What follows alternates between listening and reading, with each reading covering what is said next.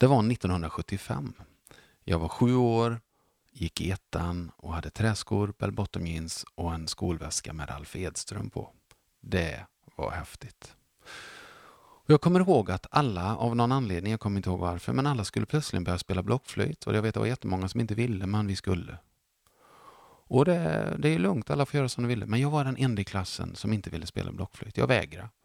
Jag sket i det. Det var ingen som tvingade mig, så att det är lugnt.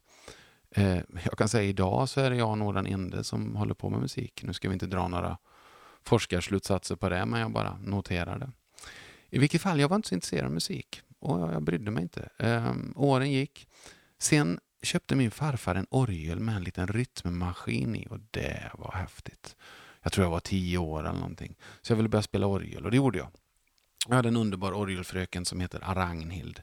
Och hon hjälpte mig, hon var så tålamodig för jag hade ju väldigt svårt att fatta noter och sådär. Jag satt och spelade högt uppe på berget och dunch, dunch. Jag tyckte det var häftigt. Sen vet jag inte vad som hände, men jag lyssnade mycket på Village People och YMCA. Jag tyckte det var hur bra som helst. Jag gillade basen där. Så en dag sa jag till Ragnhild, fröken, ja lilla Hans sa hon, jag var ju inte så stor som sagt. Eh, jag vill börja spela bas. Hon tittade på mig och sa, nej men vad kul. Men du Hans, jag kom att tänka på en grej. Ja, vadå, sa jag. Man lyssnar ju alltid på sin orgelfröken. Det var ju bland de roligaste timmarna på veckan, helt klart. Och så tittade hon på mig och sa hon, men spelar du gitarr får du spela solo. Den meningen förändrade mitt liv, där och då. Den här lille killen med astma som satt på bänken och som satt och spelade orgel och tyckte inte livet var sådär jättehäftigt. Jag fick, bara såg en bild när jag står på en scen och det är strålkastare. Det är massa brudar som ropar yeah och jag spelar solo. Jag bara kände från den sekunden, det vill jag göra. Så jag tjötade hål i huvudet mina föräldrar. De var snälla och köpte en, en gitarr. Den hette Duke och den kostade 368 kronor på Marks musik. Den hade kostat 895 men den var transportskadad, men det spelar ingen roll. Det var ett gräsligt instrument. Eh, det var fruktansvärt. Men jag älskar den gitarren. Och jag älskar att bara ha den på mig. Jag älskar att ha den på mig och stå framför spegeln. Och jag hörde bruden, jag såg spotlightsen. Jag bara tänkte det är fantastiskt.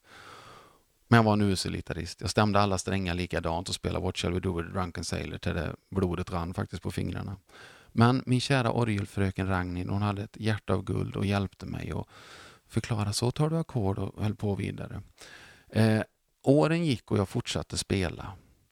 Och jag sträckte mig efter den här drömmen. Och när man sträcker sig efter en dröm så händer någonting. Då föds oftast nya drömmar. Jag vet inte hur många gitarrer jag har haft i mitt liv. Jag, jag, jag vet ju inget annat liv än att jag har spelat gitarr. Jag brukar säga att jag blir bara sämre och sämre, men jag älskar det. Jag tycker det är underbart. Nu spelar jag gitarr i min föreställning och ibland på, på föreläsningar och så här. Så visst, jag använder det mycket, även i mitt yrke. Men jag älskar att spela gitarr. Och nu i veckan så uppfylldes en dröm. För nu i veckan så fick jag en gitarr. Fick. Jag köpte en gitarr som heter Sonnemo. Och den här som heter Mattias Sonnemo i Umeå, han handbygger gitarrer. Så jag beställde den i februari. Jag var uppe i Umeå med min kompis Henrik och han köpte en Sonnemo-gitarr som redan var klar. Och jag beställde en helt efter mina mått och specifikationer, hur min hand funkar och bla bla bla, vad jag gillar för klanger. Och vi gick igenom allt. Och jag har väntat och väntat och väntat. Alltså, en handbyggd gitarr byggs inte på tio minuter. Och i veckan så kom den. Och jag har känt att den där drömmen, den har fått ännu mer liv. Och jag spelar ännu mer. Och det ger mig ännu mer energi. För den där första drömmen, den gav nya drömmar. Och jag tror det är de där drömmarna som ger oss energi. Och det som ger oss hållfasthet, det är kvalitet. Och många gånger pratar vi om kvalitet utifrån egenskaperna hos saker. Kvaliteten på den här gitarren är skyhög, det är fantastiskt hantverk. Allt är genomtänkt, en precision utan dess like. Men kvaliteten är ju inte bara det. I min värld är kvaliteten också berättelsen om dig. Och vad är en berättelse utan drömmar? Så jag tror vi behöver få de här att samverka. Och ha drömmar, sträcka oss efter saker. Våga drömma saker. För när du sträcker dig efter en dröm så handlar det inte om att den ska bli uppfylld. Det handlar om att den ger dig en riktning. Och så får vi nya drömmar. Och då händer det nya saker. Så den lille killen på orgelpallen där, han kunde aldrig drömma om att han en dag skulle ha en handbyggd specialgjord gitarr. Och jag har stått på scenen många gånger. Och jag älskar det. Så jag hoppas att vi drömmer mer och kom ihåg, kvalitet är berättelsen om dig.